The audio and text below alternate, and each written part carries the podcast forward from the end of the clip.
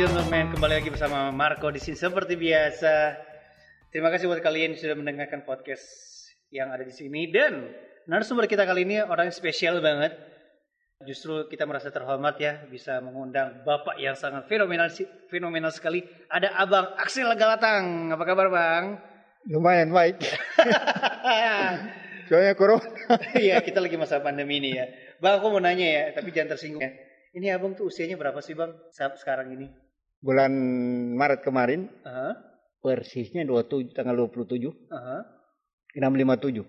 57. Sudah lansia.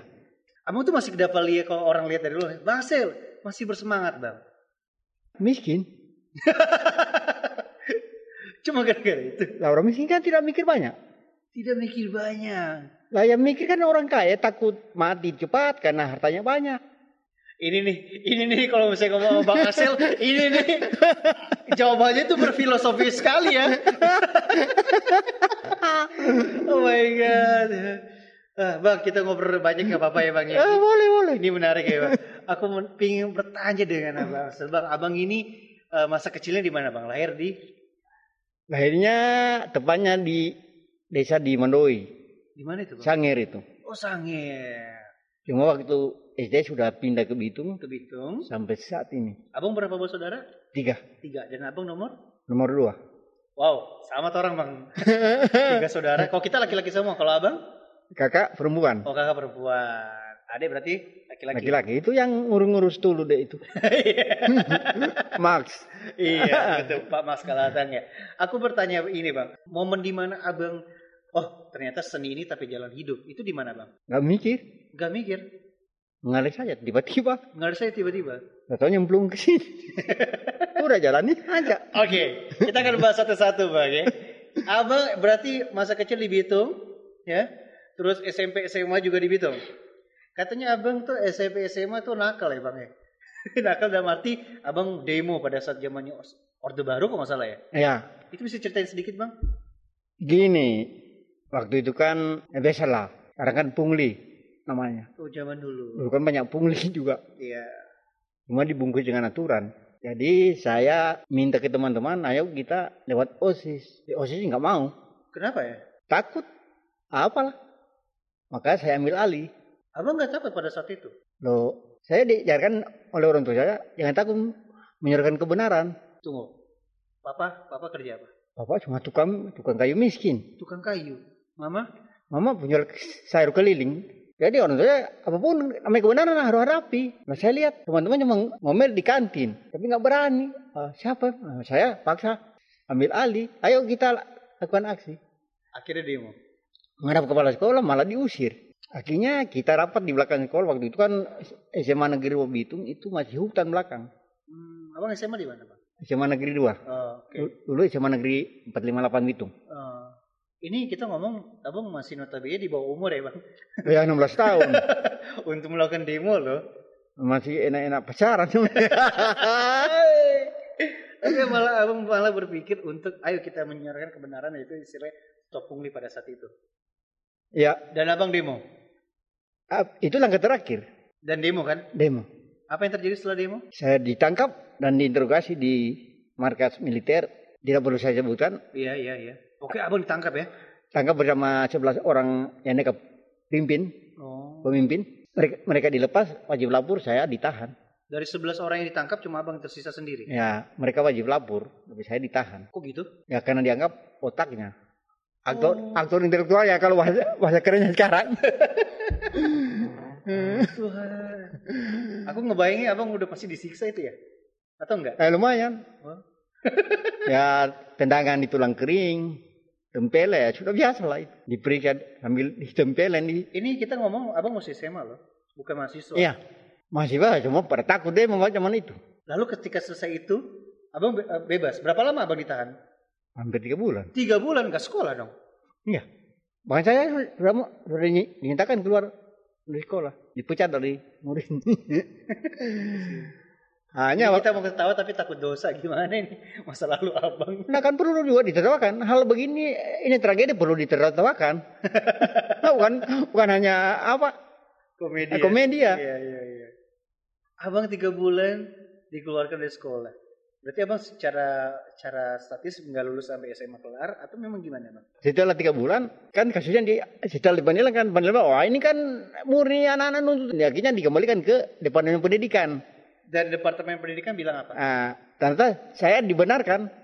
Mohon maaf, kepala sekolahnya diganti dan ketua ketua sekarang komite dulu istilahnya badan pengurus apa namanya pokoknya ada kalau sekarang komite itu di, semua diberhentikan. Berarti saya menang dong. Betul. Nama saya dipulihkan dan saya Betul. dikembalikan sebagai siswa. Berarti abang udah feels like hero dong. Ah, Apalah istilahnya. Iya kayak hero lah. Oh, enggak juga. iya dong. Kalau aku sih nggak aja gitu. Akhirnya abang lulus di SMA itu. Ah, ah. Abang mau ngenyam kuliah lagi atau enggak? Saya sempat kuliah di Susul Kodam, Sospol, Sospol. Sekolah Tinggi Ilmu Sosial Ilmu Politik. Oke, ini menarik ya. Kita akan bahas satu-satu dulu sebelum abang berkesenian. Mengenyam pendidikan sosial politik, lulus. Apakah langsung itu abang berkesenian atau main jurnalis dulu bang? Menjadi wartawan. Saya ngurus kesenian dulu. Atau sebentar lagi kuliah abang berkesenian. Sambil. Nah, yang mempertemukan abang dengan dunia seni itu momennya siapa bang? Kenapa bisa abang ketemu dunia seni? Eh, apalagi kan abang kan lebih bisa, bisa dibilang kan menyuarakan suara rakyat kan dari mulai SMA, demo-demo, abang bahkan kuliah di sosiopolitik. Itu sangat sempit sekali untuk dapat menemukan jiwa kesenian mereka. Karena mereka bahasnya sosial, sosial politik. Nah, abang ini ternyata bisa bertemu dengan yang namanya seni. Paham tuh maksudku bang? Iya. Momen abang bertemu dengan namanya sen- seni itu di mana bang? Lah, John F. Kennedy bilang kan jika politik mengotori moral masyarakat, seni harus menjadi pembersihnya. That was deep, Bang. Ketika berpolitik dan sosial masyarakat Kotor, kotor, seni harus membersihkannya. seni, lewat seni kita membersihkan. Maka Aku merinding loh dengerin. saya memilih itu. Bagaimana dong saya belajar politik terus tidak dibarengi dengan kesenian? Ya moralitas kan kesenian. Oh kok jadi serius sekali moralitas cowok cowok moralitas. Ini seru nih, ini seru, ini seru. ini seru sekali. Kebanyakan orang-orang berkesenian itu memang terinspirasi dari toko. Kayak kalau ngomongin soal sastra kayak siapa nih William Shakespeare, Nah, terus apa Leonardo da Vinci segala macam. kalau Abang Axel gara-gara dunia pada saat itu saya dunia sosialnya rupa ada yang beres ya kan abang berkesenian untuk mendobrak atau kayak ini bang represent ya saya yang belum pertama kali ya di kanan di sekolah SMP negeri 22. kenapa itu Wali kelas saya kan Ibu Pangelila namanya dia guru bahasa Indonesia, guru sastra. Nah, satu kali ketika kelas 1 beliau masuk di kelas saya terus mata pelajaran mengarang. oke dan abang tertarik Ah, sa- mengarang terus ketika diperiksa saya disuruh maju. Gak datang, ini benar kamu yang bikin. Ya saya bu. apa ya? abang karang sastra apa pada saat itu abang kalau abang masih ingat Eh, mengarang puisi waktu itu. puisi judulnya apa bang Di, di anu pantai Mandidir. pantai Mandidir. pantai Madidi Ya tempat saya mandi-mandi itu. dulu ya Ada dulu ya Ah. Lalu Saya masih ingat la- larik-lariknya. eh, sair-sairnya abang masih ingat Laut bergetar dalam debut kerinduanku. Menyurup ombak jiwa, memecah pantai kenangan. Kulepas camat anganku menjelajah rahasia keindahan semu. Di sini di pantai Mandidir, sepiku di- diam, sepiku menikam. masih ingat ya bang Mas, terus akhirnya ibu Pangalila lihat Beliau nggak percaya kalau saya bikin. Mungkin saya nyontek. Apa sih kamu yang bikin ini? jangan bilang ibu Pangalila terkesima melihat hasil karya Iya memang. Terus coba kamu bikin dikasih tema lain, saya bikin. Coba kamu bikin tentang pahlawan. akhirnya abang bikin judulnya apa bang Doa untuk pahlawan revolusi. doa untuk pahlawan revolusi. Bisa eh, sedikit sairnya ya kalau abang masih ingat. Luruhnya, luruhnya Gita, Gita Senja. Merajut ke masjidnya dedaunan. Di sini, di sini beberapa masa yang lewat terukir rangkaian peristiwa berdarah. Itu dia, jadi lagu loh. Onal aransemen itu. Iya iya iya iya. Nah itu. Akhirnya Ibu Panglila percaya. Berarti bakat abang sastra memang dari SMP bang ya? Enggak tahu. Aku nggak tahu sih. Ya masa cuma nulis apakah itu saya enggak itu urusan orang. Itu idenya dari mana pada saat abang nulis itu? Ah, nyon datang aja sebenarnya. Enggak enggak pernah mikir. Gak bisa mikir tapi bisa menghasilkan tempat ini. Ah, cuma- gimana, gimana cerita aja? Ya mau dari ngelamun. Bagi-bagi ilmu lah bang. Abang bisa menciptakan ini semua masa gara-gara nggak mikir. Itu karya itu keren banget tadi bang. Nah kan saya baca sejarah.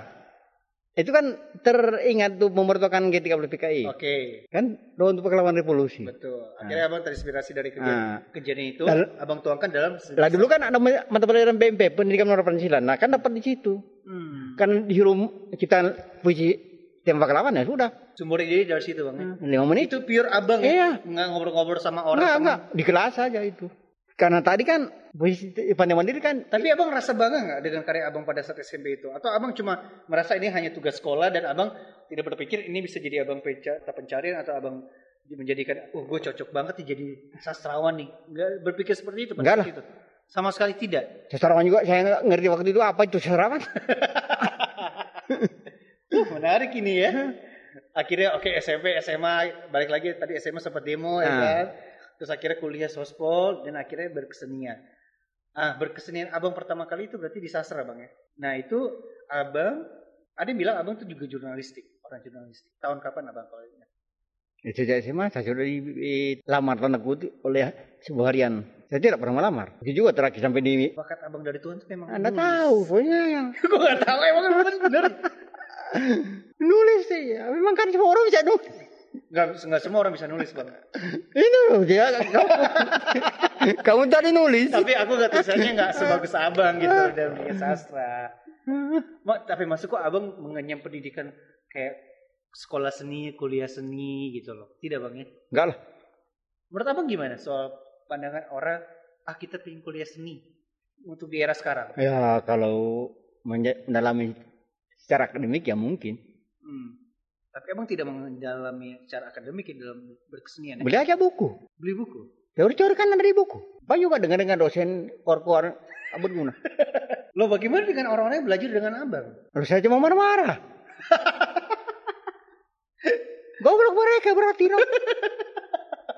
Serius bang, tunggu, tunggu, tunggu, tunggu, tunggu. Tunggu. Jadi kita mesti siap mental, jangan terpengaruh dengan abang Axel. Tunggu, back again, tunggu, back again, back again.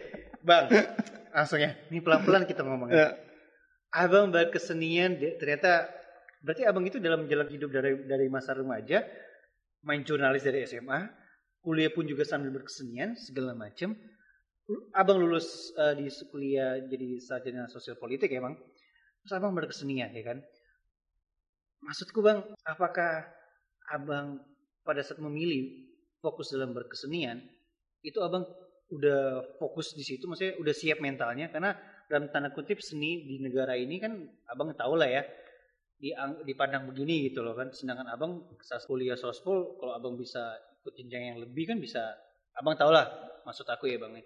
kenapa milih kesenian Nah saya kan di kesenian saya tidak untuk makan. untuk apa dong Nggak tahu. maksudnya abang pada situ kan banyak kenalan tidak tidak adakah yang menawari abang ah bang Hasil mari Juh, kerja di sini kenapa gaji bagus segala macam segala macam Banyak lah. kenapa abang tolak Mungkin passion saya bukan di situ. lalu di mana passion abang berkesenian Nggak tahu.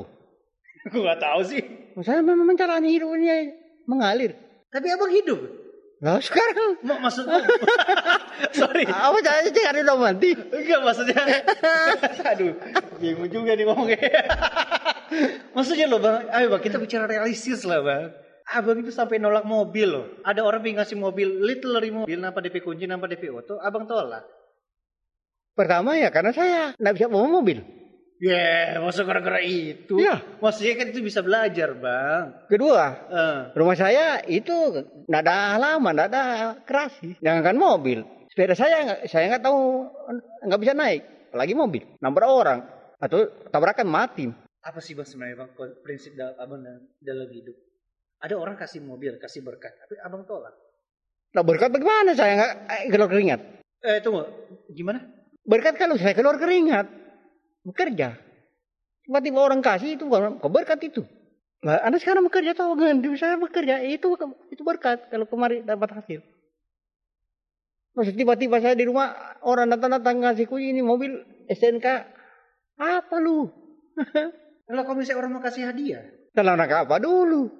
Makasih ya Bang Asil sudah membantu saya dalam hal-hal bla bla bla. Enggak lah. Berarti dia menghina loh apa yang saya, membantu. Kalau dia pakai imbalan begitu. Berarti Abang niat bertulus membantu ya tulus niat tulus. Enggak usah pakai imbalan loh. Karena niatnya tulus membantu. Lah Tuhan kasih apa saya? Apa Tuhan minta imbalan? Kayaknya pemikiran Abang ini mesti sama dengan para para pemuda-pemuda sekarang loh. Iya karena bang doi nyada ini tuh. Abang paham lah yang maksud. Ternyata betul kata mereka mereka. Gak gampang loh ngana baca tadi bang Axel. Aduh. Nih ya, tunggu tunggu. Kita masih mau coba tetap fokus ya bang ya. Kita masih coba tetap fokus ya. Karena obrolan dari bang Axel ini memang sangat sungguh menantang. Aku biasa nge-nervous ngomong ngomong sama Pak Wali Kota, ke wakil wali kota, tapi emang abang tuh nervous sih gue nih. oh my god. Bang, langsung aja aku nanya ini bang. Kenapa sih kalau ada orang bertanya, kenapa sih abang seperti ini? Tidak mau nerima, kayak ada hadiah segala macem. Abang tetap eh, kalau membantu membantu aja nggak ada imbalan. Apa sih prinsip hidup abang yang abang terapkan sampai sekarang? Menjalani saja. Kalau udah usaha mikirin macam-macam. Itu rahasianya bang. Contoh tadi kan. Anda tanya, kenapa sekarang seperti orang Iya kayak masih sehat gitu, Iya. kayak, kayak masih jiwa muda, Padahal kan saya sekarang energik. sakit? Nah iya, seperti itu. Nah, itu kan dari manajemen pik- pikiran. Nggak usah mikir harta, nggak usah mikir. Apalagi saya kan nggak punya istri. Karena nggak laku-laku. Ini abang sombong soal istri nih bang. Ini abang sombong soal istri ya. Ini abang mau soal istri tadi ya. Ini tanpa mengurangi, mengur, tanpa mengurangi rasa hormat. Aku dapat informasi. Katanya bener bang. Pada saat hari H, hari H ya bang. Udah makin rapi nih. Tadi mobil. Abang izin ke kamar mandi. Terus gak balik-balik itu bener gak itu? Tidak begitu. Nah ceritanya gimana bang? Nah dengan ini supaya, supaya orang mendengarkan fakta yang Apa ini perlu? kan kisah cinta. wow, wow, wow, wow. Ada yang bilang begitu bang. Udah kada udah kada luar saya ini kalau ngomong cinta. Gak apa-apa supaya kan anak-anak muda bisa oh, mendengar cerita abang. Yang pasti ya SMP, SMA Ada lah pasti. adalah lumayan. Eh. Agak playboy sedikit. Oi. Apalagi ketika karya-karya saya sudah di majalah, di Iya. koran-koran. eh, Kan waktu itu lebih televisi saya baru TVRI. hmm, Itu pun cuma sampai jam 10 malam. betul. Jadi majalah-majalah Gadi, majalah Anita, macam-macam itu. Itu kan wah, waktu karya-karya saya itu, waduh. Lumayan lah. Akhirnya pada saat hari itu bang, sebenarnya pada saat hari itu apa yang terjadi? Nah, prinsipnya begini. Itu bukan apa, itu dari fitting baju. Dengan sudah beredar, eh, tiba-tiba dianya Iya, gak usah sebut nama gak apa-apa. ngomong, mohon maaf ya, mohon maaf. Oh iya, Eh, iya. namanya, mohon maaf, jangan jangan mohon. Iya, iya, iya, iya, iya. Ini karena dia nih. ya, kan berarti gak sebutnya apa bang. Nah, tiba-tiba dianya. Nah, minta agar setelah nikah, coba saya ngurus lima perisai. Oh my god. Damn. Nah, di situ sama dengan dia cabut nyawa saya. Ini masalah harga diri. Dan saya ini bangun lima perisai kan berdarah-darah. Betul. Kita belum bahas kelima perisai loh ini. Masih personal abang loh. Jadi begini, Pak, apa? Pokoknya kalau ini, Fitting baju nih udah Eh, nih. udah. Terus dia dianya bilang kalau so sah, ah, mana fokus ke orang dua ya. nah, stop. Fokus Orang punya anak juga, kau urus, ngapain? Berhenti mobil, saya turun, cabut cincin. Saya ke kantor, minta tiket, saya kembali. Lu HP masih apa motor Iya.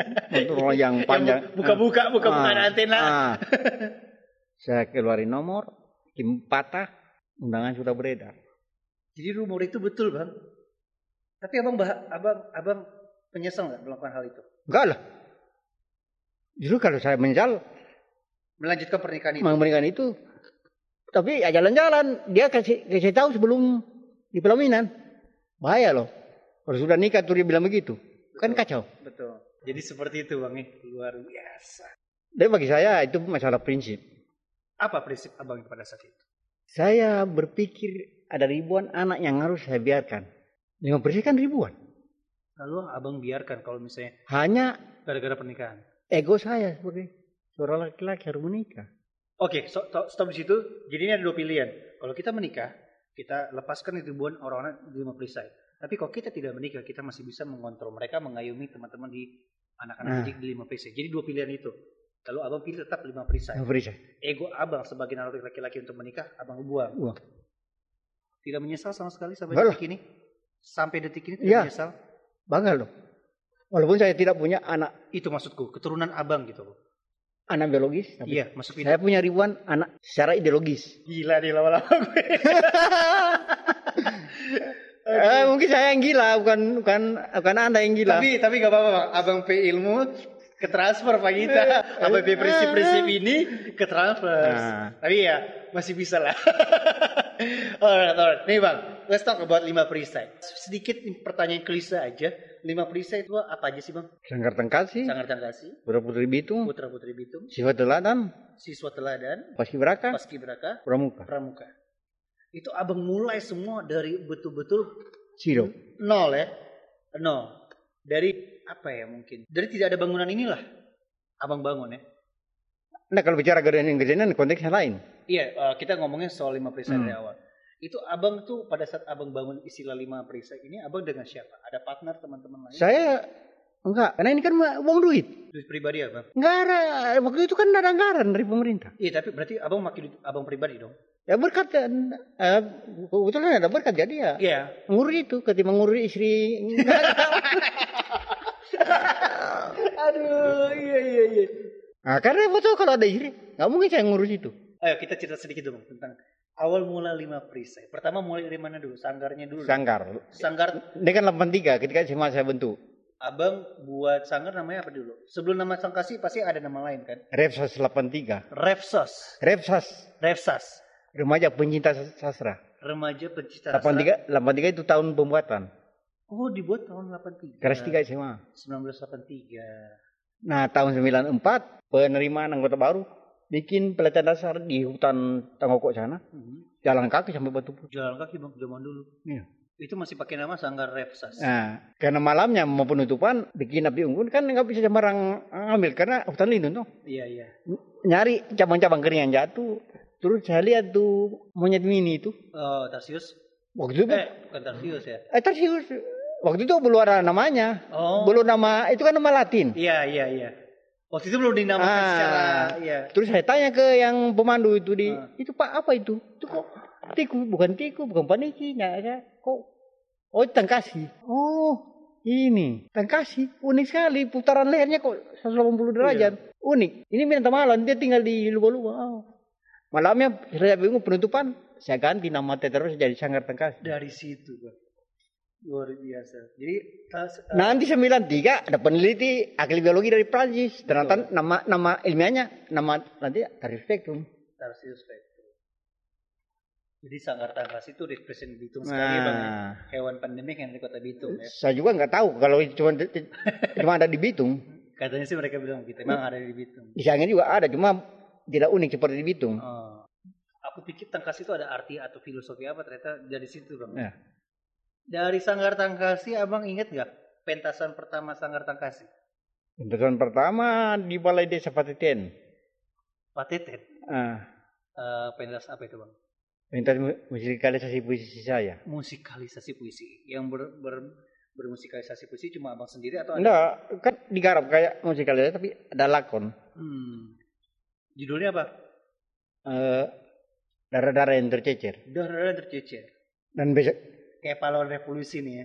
dan besoknya juga saya harus darah-darah yang tercecer di kantor Koramil. Ya ampun. Karena saya tidak dapat izin. Oh begitu. Nama saya Karena masih gini ya. bukan nama saya kan sudah di blacklist karena demo tahun sebelumnya. Oh, di, di gara-gara demo Nah. di SMA, ketika abang berkesenian, Saya sudah masuk dalam tanda kutip orang yang perlu diwaspadai. Rekom rekomendasi sanggar anak keluar. Pada saat itu ya. Hmm. Berarti abang pure buat Sanggar Tangkas itu modal sendiri, uang sendiri, tidak pakai gedung-gedungnya notabene yang megah, Enggak. latihan ala kadarnya di tempat entah mungkin di mana. Di- kadang-kadang manggung di pinggir pantai, sembunyi-sembunyi dari parau. Itu orang tidak tahu. Nanti bentar saya kasih lihat. Kenapa sih mau begitu bang? Hah? Bersusah, bersusah payah seperti itu. Lah ini kan ini kebatilan. Ini mesti dilawan. loh. Jangan cuma ngomong. Ada teman nggak? Atau teman-teman abang malah eh, meninggalkan abang? Saya malah sembunyikan ke teman-teman. Yang tapi mereka juga ikut diciduk. Dikatanya, kenapa kamu punya itu bengkak-bengkak? Jatuh. Lalu dihantam di. Era kapan? Ketika Orde Baru sudah tidak ada, itu kan masa-masa Jaya Sangarta kasih bang? Atau masih belum lah itu? Belum, cuma waktu itu ketika Pak Sarundayang wali kota. Reset Pak Wali Kota Serundeng kenapa? Ah, beliau mendekat lakukan pendekatan karena saya dia tahu saya ini agak kepala angin. Apa yang dilakukan pendekatan oleh Bapak Sarundayang kan? Nah, maka di termasuk diundang untuk membedak akhirnya putra putri Bitung diberikan kepercayaan. Namanya dulu Nyong Noni kan diprotes oleh provinsi karena nama di provinsi. Betul. Maka saya dalam waktu cuma lima menit beliau tantang. Coba kamu bikin anu ini. Kamu kan seniman, imajinasi tinggi. Saya karena pikir ini bukan Bitung kan masyarakatnya masyarakat heterogen. Hmm. Jadi ya sudah ambil saja nama nasional. Putra Putri Putra Bitung. Putri Bitung. Sekarang malah di, di tanda kutip dicaplok oleh daerah lain. Ada lain ikut-ngikut.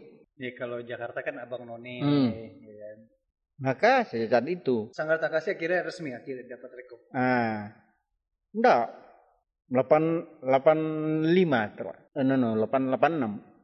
Akhirnya dapat rekom. Rekom. Rekom dapat surat resmi. Rekom dari Sosol karena perintah wali kota Senduk waktu itu. Hmm. Tapi izin untuk pemerintahan tidak- keluar. Loh gitu?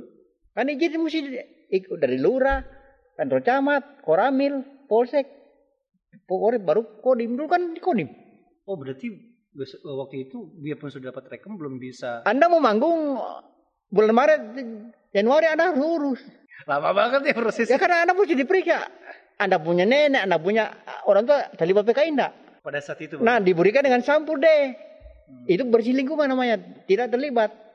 Nah, alasannya karena saya katanya belum ada sampul D. Nah, enggak, kayak begini wawancara, itu pasti ada izin. Enggak bisa kamu wawancara betul, saya. Betul. Bisa diciduk. Pada sama itu jangan Itulah orde baru. pada zaman itu ya. Nah, makanya saya ketawa-ketawa aja ini sekarang aktif demo-demo. Coba dulu di mana kalian?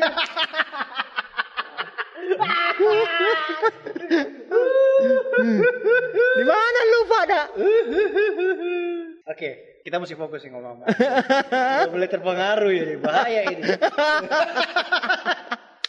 Oke, back again. Akhirnya Sakarta kasih lahir, Ah. putra putri Bitung lahir dan apalagi tadi ya? Eh, pramuka, eh bukan pramuka, eh, apa?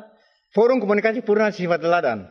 Siswa teladan. Nah, itu ceritain dikit bang. Ah. Itu awal mula terjadi kenapa? Lah jelek-jelek begini kan dulu saya saya mewakili apa Sulawesi Utara Temu Karya Nasional. Dulu Temu Karya namanya. Temu karya Nah, kemudian juara satu loh. asli. Maka kemarin dipanggil oleh Kakandep Dikbud. Kebetulan Pak Kakandepnya Pak Woring.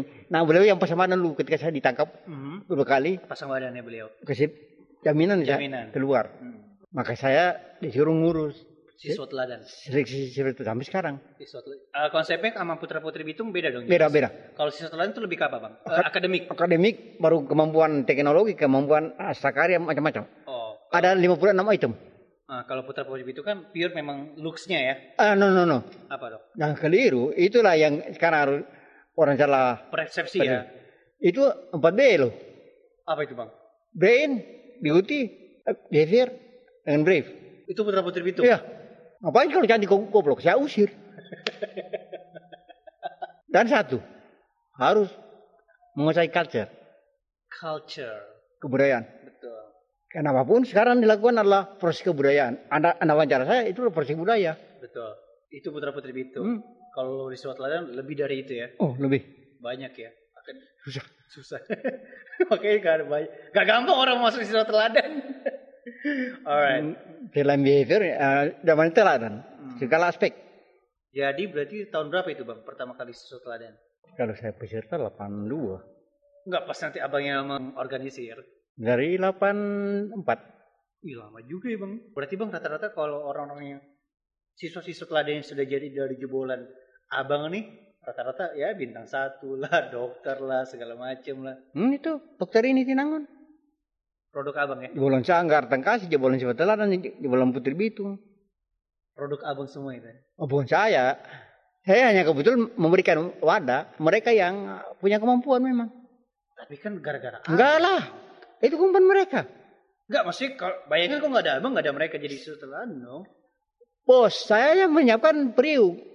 Beras memang beras bagus. Saya hanya memasak. Wait, wait. Dokter ini kan gurunya abang dong. Enggak lah, gurunya kan ada dari SD. Tapi kuliah kan bahasa saya wajar. Tapi maksud Bang Axel.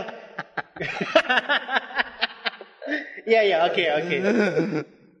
Tapi kok kita ketemu dokter ini, Bu, oh iya dia guru saya itu, saya belajar banyak dari dia. Puji Tuhan, alhamdulillah. Tapi Iya berarti Bang Axel gurunya dong. Kan guru gak masih guru-guru akademik dong Bang. saya tidak pernah merasa guru. Lalu abang, abang, abang merasa apa dong? Ke murid-murid abang yang jadi. Saya hanya kebetulan orang yang lahir lebih dulu dan membimbing adik-adik saya. Belajar jalan, belajar ini, ini jurang, ini bukan jurang. Berarti cara abang bukan mengajar batasan guru dan murid, tapi lebih ke kakak dan adik. Ikatan batin sosial lebih dapat gitu ya. Lah saya memang bukan guru. Kapan saya sekolah guru? Dosa loh kalau saya mengaku-ngaku guru. Bentar saya tidak punya sertifikasi bagi guru. Tapi banyak orang belajar sama abang. Bodoh berarti orang. Nggak belajar. Apa juga. Hidup saya juga sekarang berantakan begini kok. Suruh belajar sama saya. Oke oke lah, oke lah, oke. Tetap fokus kok, tetap fokus ya. ya dia. Akhirnya si setelah uh, lahir, pas kibraka ngomongin soal pas kibraka. Ayo. Nah, dulu tidak ada anggaran. Oke ini menarik. Kenapa? Nggak ada anggaran artinya? Nggak ada anggaran dulu seleksi. Saya pun teman dengan Pak Yansen Nangaro. Ingat tuh, mohon maaf, yang botak itu di Korpri. Yang rupa di Kandep Dikbud. Dulu kan di Kandep Dikbud. Maksudnya nggak ada anggaran latihan, nggak ada anggaran, nggak ada. Anggaran nanti, oh, anggaran apa adanya nanti ketika semua udah membutuhkan. Tapi proses latihan, anu latihan kan tidak ada. Waktu itu. Tapi abang ini juga ya, abang terlibat di dalam ya, abang apa ya? Loh siapa yang mau? Eh, siapa yang kasihan anak-anak? Abang latih juga, abang yang da- direct juga. Bukan saya latih, kan pelatihnya nanti ada dari anu mereka-mereka yang senior. Tetap abang ayomi. Saya cuma meng- mengatur apa manajemennya bagaimana agar mereka tidak kelapa, tidak habis latihan apa minum apa makan. Paksa ya jalan kiri kanan. Jangan bilang pakai abang pedoi pribadi loh.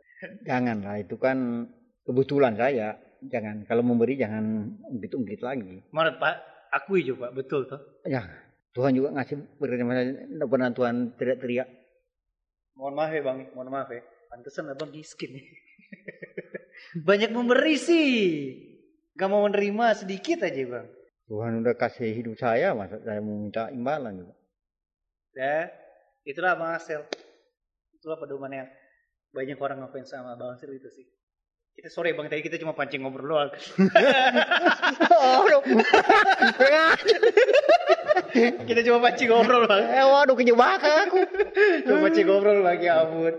Eh, Teman-teman kita coba ngobrol ya, bukan gak ada usut apa pun. Oke, akhirnya lima, eh, tapi tunggu tunggu, ngom- masih ngomong pas Gibraka. Cenga ini, Cenga, Cenga, Cenga Hmm. Marcel Tatuhil. Oh mereka ini udah angkatan yang ada anggaran walaupun sedikit. Apa, apa angkatan? Angkatan ada anggaran itu. Angkatan anggaran. T- Tapi ini mumpung masih ada, Bang Ceng boleh gabung bentar? Coba sini. Udah gabung aja, gabung, gabung, gabung, gabung, gabung, gabung. Gabung, gabung. Iya. Iya. Oke. Eh, ceritain dikit Bang. Pada saat itu, jujur Bang Ceng ya. Dia dulu di Cifateladan pertama. Oh, si teladan. Cuma sekarang jadi telanjang. ya udah, Bang, Bang, Bang. Eh, Bang Ceng ya, aku minta tanya. Bang, eh, Bang Marcel tuh jangan intervensi dulu ya. Berarti jawaban dari Bang Marcel atau Bang Cenga itu pure ya. Eh, Bang Cenga pada saat awal ketemu Bang Marcel pada saat waktu itu, pikiran abang apa? Tahun 90 Iya. Pada saat Jadi itu waktu mulai sosok itu Bang. Ab- lihat sosok Bang Axel pertama kali waktu ikut Bina Kreativitas Siswa namanya. Siswa teladan tuh namanya Bina Kreativitas, Kreativitas Siswa. Lomba lima mata pelajaran inovatif. Kan yang hadir itu orang-orang dinas banyak kandep. Yang pakaian kayak guru lah semua. Ah, Terus ada satu orang yang gondrong, Oke. gondrong, Oke. kurus, Oke. ya kayak sama kayak sekarang. Ah. Celana jeans, sepatu kets. Oh dari dulu ya memang. Iya, memang begitu dari dulu. Terus abang pada saat itu lihatnya gimana bang? Ya beda aja, ada orang yang beda begitu di situ. Jadi kita karena waktu itu kan masih kecil, masih sekitar kelas 4 SD apa kelas 5 SD waktu Iya. itu. Kelas 5 SD waktu itu. Karena kita juga belum tahu siapa wali kota, jadi tak pikir mungkin kaget dia so wali kota ini. karena dia sendiri Iya, toh. iya. Beda Dia sendiri, talang dah. sendiri. Lain kan pakai baju-baju guru dengan Iya, apa semua iya. karena orang kandep tuh yang Iya, gitu. iya. Nah. And then akhirnya ngobrol pertama kali sama Bang Asel pada Eh, belum belum belum ngobrol. Jadi waktu itu karena juga karena kita masih kecil, jadi cuma ikut prosedur saja ikut apa lomba bina kreativitas siswa. Jadi paling cuma lihat oh ada satu sosok yang kadang-kadang eh coba menyanyi taunya ndak? Tahu puisinya ndak? Kadang-kadang panggil begitu. Oh, Bang Ah, Axel tuh kayak iya. gitu ya. Terus akhirnya abang ke Paskibraka kan? Abang kan senior di Paskibraka juga dong. Paskibraka. Ayo. 96. 96. Waktu itu Bang Axel, Waktu tabiat itu marah-marah Bang Axel emang dari dulu ya Bang? nih? apa ya? Marah-marah. Enggak, no kita enggak. Oh gak pernah dapat Dulu. marah ya, gak pernah dapat marah. Maksudnya omelan. Saya tadi Bang Axel bilang ya kita cuma Omelan. Oh, sering kalau omelan. Oh iya, iya. sering. Omelan apa? Jadi kadang-kadang kalau bajalang sedikit kita bengko sedikit, jadi pemarah no supaya ke lurus sedikit dang. Oh Nah, gitu ya. Biar nyanda tak lurus sekali minimal lurus dang. jangan jangan miring. Ya Tuhan. Alright. Berarti fast forward abang udah sekarang. Kalau abang melihat kembali seorang sosok Bang Axel ya. Hmm. Menurut Bang Cenga apa? Di Indonesia presiden cuma ada dua, Jokowi dan Presiden Sanggar Tangkasi. Axel Galatang. Cuma ada di Bitung. Bayangin nih. Tunggu, Tamat. Ini kita buktikan tapi omongan. Kalau kita bilang, Bang, Bang Cenga, Bang Cenga bisa seperti ini, siswa teladan, pas Ibraka mengetahui ini semua-semua, atau mengetahui ilmu kesenian, Hmm. belajar dari Bang Axel kan? Oh iya, memang guru. Hmm. Si? Betul tuh Bang? Tapi omongan Bang Axel? Orang menganggap abang tuh guru. Lalu kenapa abang tidak menganggap diri abang sebagai guru? Ya kan Makasih ya Bang Cenga ya. Makasih ya. sekarang saya mau balik tanya Anda. Mana nip saya? Bang, emang guru mesti dinilai dari nik so? Nip. Nik, nik ya. Ini apa? Nip, nip. Nik nomor apa itu? Nomor ini pegawai. Emang mesti dinilai dari situ so Bang? lah guru kan itu formalnya. Ya tapi oke lah itu kalau menurut kita abangnya udah guru guru lah. Orang- Orang-orang juga bilang, wah Bang Asep tuh emang guru. Saya, saya lebih senang kalau disebut sebagai budak kehidupan. Budak kehidupan. Mengajar tatanan kehidupan ke anak-anak abang. Anak-anak didik, anak-anak ideologis. Hmm, tadi ya saya pikir ya tadi cuma marah-marah. Marah-marah. Alright, Bang. Akhirnya apa? Pas Braka, abang yang kelola, abang yang memang atau manajemen. Kalau pramuka gimana bang? Kalau pramuka kayaknya dari dulu udah ada deh. Tapi kalau dalam Bitung sendiri pada saat itu kayak gimana? Bang? Itu memang sudah ada. Sejak masih sekolah saya sudah ada dong pramuka. Pengurunya kan entah berantah. Hmm. Maka ketika saya mulai aktif di pramuka sejak SMA itu, maka kan kuarca, kuarca cabang itu di bawahnya ada DKC. Hmm. Nah DKC ini yang eh, kayak pasukan tempurnya. Nah kan ti- tidak jalan. karena, Maka karena tidak jalan, maka ma- abang maka saya masuk. masuk. Gunanya untuk supaya kembali hidup. Ah, hidup. Eh malah ketagihan sampai sekarang. iya iya iya. Saya sudah tiga periode du- dulu di pengurusan kuarti daerah Sulawesi Utara. Akhirnya ke keempat saya sudah mundur dan saya tetap di Bitung sebagai wakil ketua kuarca. Bang, lima ya. Akhirnya udah bener lima perisai. Aku pengen jawab dari kejujuran abang sih. Abang cara bagi-bagi waktunya itu gimana? Nggak ribet itu lima loh abang bego. Sanggar, Putra Putri Bitung, ngurusin siswa teladan. Nah saya kan ini pengangguran. Waktu waktu kan memang Ya, ya sepenganggur-nganggur ya abang gitu loh. Bagi waktunya itu nggak ribet apa bang? enggak lah. Kecuali saya kerja, saya kan peng- pengangguran. Jadi pengangguran banyak acara gitu. Nah, kira-kira begitu. Pengacara dong ya. Pengangguran banyak acara dong. Oh, oke oke. Kecuali ya seperti anak ini kan punya anu punya pekerjaan tuh. Hmm. Tentu bagi waktu susah. Kalau saya kan nganggur. Terus abang membagi waktu abang sebagai jurnalis? Hmm? Jurnalis sebagai wartawan gimana? Wartawan juga kan nyemplung kita. Itu kenapa sih abang bisa nyemplung ke wartawan? Hobi aja. Hobi nulis juga ya. Nyarukan hobi dan eh, mungkin karena saya terpengaruh. SMA kan saya bikin majalah dinding sekolah pertama. Oh iya, mading.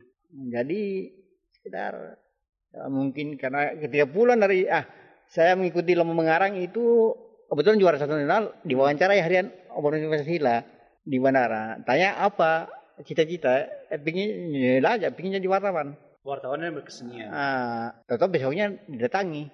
Mau enggak? Mau magang? Mau. Oh magang dulu. Mau aja, siapa saya sudah magang. Alright then. Nih bang, akhirnya aku dari ngobrol-ngobrol sama abang kurang lebih 40 menit ini, ada satu pertanyaan dan ini pertanyaan yang baru aja aku dapat. Dengan gelagat abang seperti ini, jam terbang abang ke sana kemari, everyone knows tentang abang siapa, bahkan abang kuliahnya sospol, abang nggak tertarik untuk berpolitik di kota itu pada saat itu sampai sekarang. Ngapain? Sama sekali nggak tertarik. Ini kita berdua sudah berpolitik. Hmm, dalam, dalam arti bang kedudukan. Loh, walaupun politik, ya politik praktis maksudnya. Iya maksudnya Ya, abang, jelas. abang jadi anggota DPR ke atau wakil wali kota ke. Turun, gitu. turun pangkat bos. Hah? Penghinaan itu turun pangkat aku. Oh begitu. Cuma rakyat kok dia disuruh turun pangkat jadi wakil rakyat. Penghinaan itu. Kenapa penghinaan bang? Loh, saya cuma cuma rakyat. Suruh turun pangkat juga jadi wakil rakyat. Turun pangkat.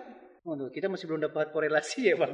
Tuh coy. Loh, kan kalau menjadi DPR katanya kan menjadi wakil rakyat. Iya. Saya sudah sekarang rakyat, cuma rakyat toh. Hmm. Kok disuruh turun pangkat cuma jadi wakil rakyat? Turun pangkat dong. Apa itu bukan penghinaan? Cuma rakyat turun pangkat lagi. Tapi banyak orang berlomba-lomba jadi anggota bang. Ya mereka kan beda selera.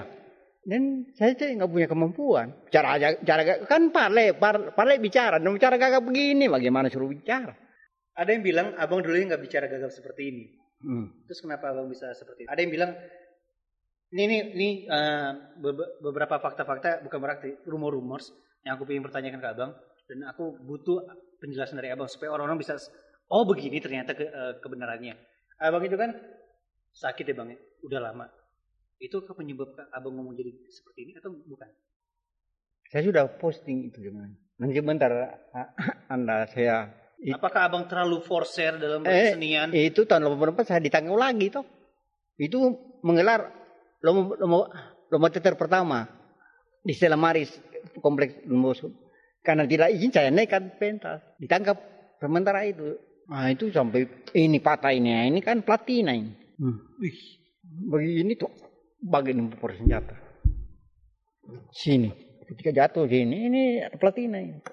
Maka saraf terjepit. Gagap. Ini udah ngomong, dia ngomong, wah gitu. Itu kan berkesenian zaman itu. Kalau sekarang berkesenian di era sekarang, Kan bebas. Orang caci maki saja televisi sekarang boleh. Kalau misalnya kita bilang begini, abang reaksi abang kayak gimana? Sekarang abang bilang berkesenian sekarang bebas. Sekarang kan kalau ada orang yang belajar sastra, belajar soal teater, tanpa harus ke abang bisa nggak? Silakan. Kan hak orang. Tadi soalnya abang ngomong di luar kita ngomong off di luar off ya. Ngapain sih kuliah kuliah seni? Tadi abang bilang ngomong. Eh saya. Silakan. Itu kan eh, itu kan anu macam-macam punya. Hmm, prinsip ya. Itu kan saya. Banyak kok buku. Nah, kebetulan saya ini ya penyinta li- literasi jadi ah, memang hobi baca. Jadi jangan hanya belajar kesenian karena hanya satu sosok, tapi kita nggak tekuni. Mendingan ya udah belajar aja di semua, di semua orang, di semua buku-buku, tapi tunggu di itu maksud abang. Nah, saya sekarang kan tanya Anda, Aristoteles, kapan di sekolah kesenian? Agak. Plato belajar di mana? Enggak tahu. Tuh teorinya dipakai sekarang. Tapi kok sekarang kan orang udah kenal abang. Gak masalah dong kalau misalnya orang belajar sama abang. Belajar tak- soal apa? Ya soal kesenian dong bang. Ya datang aja. Datang aja ya. Tapi bukan belajar, sekedar gombal-gombal. Oke kita ngomongin soal ini deh. Ini ke- kenapa aku milih tempatnya di sini? Heeh. Ini kayak lagi mau persiapan pertunjukan ya. Iya, pentas produksi yang ke 117. Dari Sanggar Kasih. Cuma gara-gara pandemi ini, Nah, pas dua minggu, anak-anak sudah tender di bulan Januari, tiket sudah dicetak, mah datang ini Koronces. Koronces. Tanggapan dari teman-teman dari Sanggar Kasih terhadap pandemi ini. Dari abang, ada ada siasat lain bang? Maksudnya dari aspek apa dulu? Eh seni pertunjukan. Nah ya, sekarang di sesati lewat eh, pelatihan-pelatihan di sanggar-sanggar binaan kan kita banyak. Ah, Di SMP SMA kan SMK sanggar-sanggar binaan kita. Tadi ya online sekarang. Cari cara. Seniman harus kreatif. Nah, dari teman-teman Sanggerta Kasih berarti melakukan e-learning, e-learning, Nah, e-learning seni. Kalau soal pertunjukan berarti kita kalau misalnya kita, aduh kita kangen nih pengen nonton pertunjukan Sanggerta ya, Kasih. bukan jangan kangen anak-anak udah pada nangis lain. Tapi saya nggak berani mengumpulin apalagi ruang terbit begini. Semua saya pending semua. Tidak bisakah kita buat boleh tonton pertunjukan tapi dibatas-batasin? Saya nggak berani. Kalau nanti tertular malah saya nanti. Atau saya malah mencelakai anak-anak kan. Karena ini kan nggak ketahuan. Betul, iya iya. Ada yang OTG. Katanya, aduh, saya juga bingung ini. Ya. Maksud saya kan udah jantung ini, makanya takut-takut keluar. Katanya kan jantung yang penyakit bawaan Iya, itu. pernapasan Eh, macam. Ini udah mau set. Pertunjukan apa kira-kira, Bang? Ini nasa saya eh, judulnya eh, pengadilan aturan. Pengadilan, Aturan. pengadilan aturan. Aturan-aturan di muka bumi ini Hmm. semua mau dihakimi. Itu salah satu teks drama yang ada di buku saya. Buku saya yang keempat, antologi drama. Kalau kita ngomongin soal drama, acting itu menurut Abang apa? Eh, ini, ini bro, berakting ini. Eh, gimana maksudnya? Acting ini kita bro acting. Acting, acting menurut saya adalah eh, ini perilaku. So, maksud Abang, turun dari tadi bercerita acting. Acting. Se- Sebagai Acting yang baik adalah tidak berakting toh. acting yang baik ada tidak berakting. Tidak ber- berakting. Natural. Natural. Nah setiap perilaku orang di pasar itu acting. Suasana pasar itu acting. Anda Anda berada di ruang kelas menyimak itu acting. Acting apa sih? Mungkin kalau teori teori secara akademis saya tidak tahu. Tapi bagi saya acting adalah perilaku atau gerak manusia yang berlangsung secara alami. Orang bercerita dari tadi. Ah, lah acting. Tapi sebagai apa acting, Bang? Ah, acting sama ini tentang apa yang Anda ada cogi. Oh, sorry sorry. Selama ini kita berpikir acting, acting jadi apa? Jadi polisi, pura-pura jadi polisi. Ah, itu kan pertunjukan. Oh, jadi nilai-nilai aspek kehidupan dalam Eh, teater eh, itu bisa kita aplikasikan ke lah. kehidupan. Lah teater kan memotret Refleksi kehidupan nyata. Eh, sosial. Lah paling banyak acting ya itu di, di kantor DPR banyak orang orang aktor-aktor. Interupsi. Iya iya iya iya. Itu kan ekspresi. Kalau interupsi. Kayak ini Acting ya. acting. Walaupun di, di, di balik acting itu juga ada acting di balik layar ya. Rakyat tidak tahu. Untung kita podcastnya bukan pas zaman Orde Baru ya. Wah kalau baru-baru di, Habis ini. diciduk anda. Saya juga begitu keluar langsung didor. Aduh. Wuh, sadis memang. Bang Axel, gila I love you so much Bang Axel. Oh my god. Kayak kita kayak kita mesti sering ngobrol nanti lah Bang ya. Oke, di eh, di menit-menit terakhir ini gak kerasa kita udah satu jam ngobrol seru banget ya. Idealis abang yang abang pegang dari dulu sampai sekarang. Idealis dalam berkesenian, entah dalam kehidupan. Kalau dalam kehidupan sih aku udah nyangkep, yaitu ketika orang mensuarakan kebatilan kebenaran harus berani. Dan ketika orang membantu, nggak usah ngarepin imbalan. Itu idealis abang dalam kehidupan, tuh bang. Tapi kalau idealis abang dalam kesenian, apalagi bang di era sekarang, di era di mana tadi abang singgung soal kultur, toh. Sekarang bang, anak-anak muda kulturnya tuh udah macem-macem. Pingin jadi kultur orang budaya lain, kayak ya kita tahu lah ya kayak budaya budaya asing, kultur asing yang mempengaruhi orang segala macem. Otomatis mesti ada idealis tuh bang, mesti ada ideologi yang orang pahami. Kalau dari abang akses sendiri, ideal, ideologi abang dalam berkesenian di era sekarang. Orang harus bagaimana supaya orang tidak terkontaminasi oleh budaya-budaya asing yang masuk ke Indonesia. agak naif juga kalau saya bilang menolak kehadiran.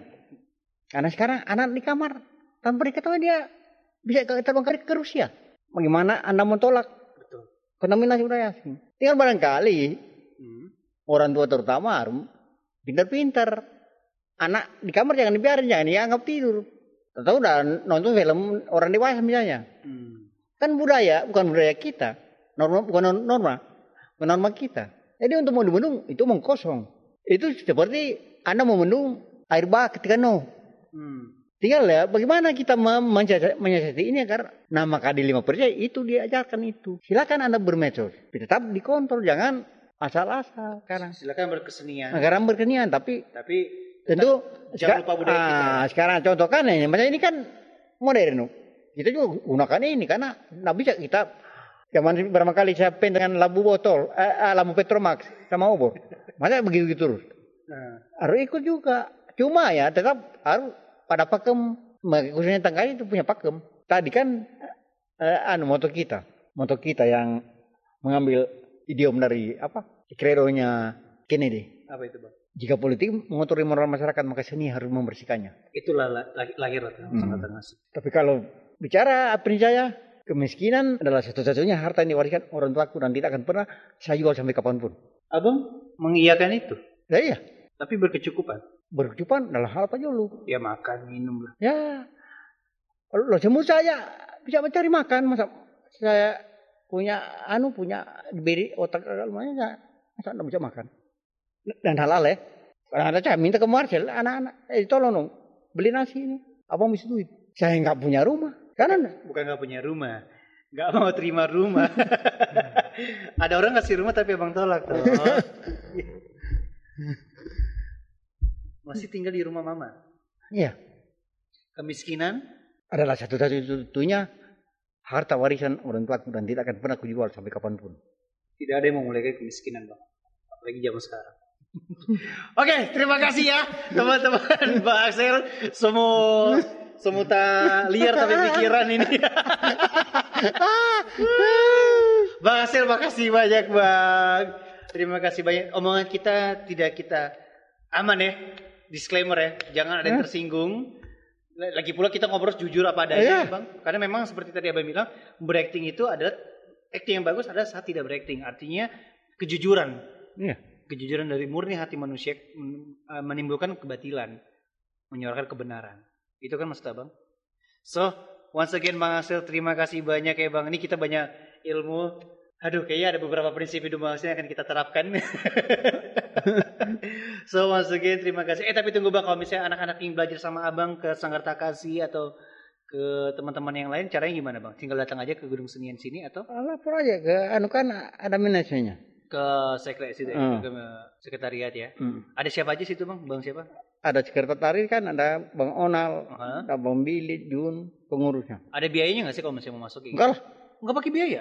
Serius nggak pakai biaya? enggak lah, Wah, aku pikir pakai bang. enggak. Kecuali ya itu di situ musik. Ringo Song. Eh, di dalam itu banyak mahal. So, once again terima kasih Bang Axel, terima kasih buat teman-teman yang udah dengerin. Ini pertama kali kita ngobrol dengan Bang Axel dan wow ternyata banyak banget pelajaran-pelajaran kehidupan yang kita bisa tarik dan semoga teman-teman juga bisa pelajari ya. Tapi mohon maaf loh, itu artikulasi saya enggak Nggak bagus. masalah bang, yang penting suara niat abang itu tersuarakan. Akhir kata tapi nama Marco, Axel, kita jumpa di next episode. Bye bye.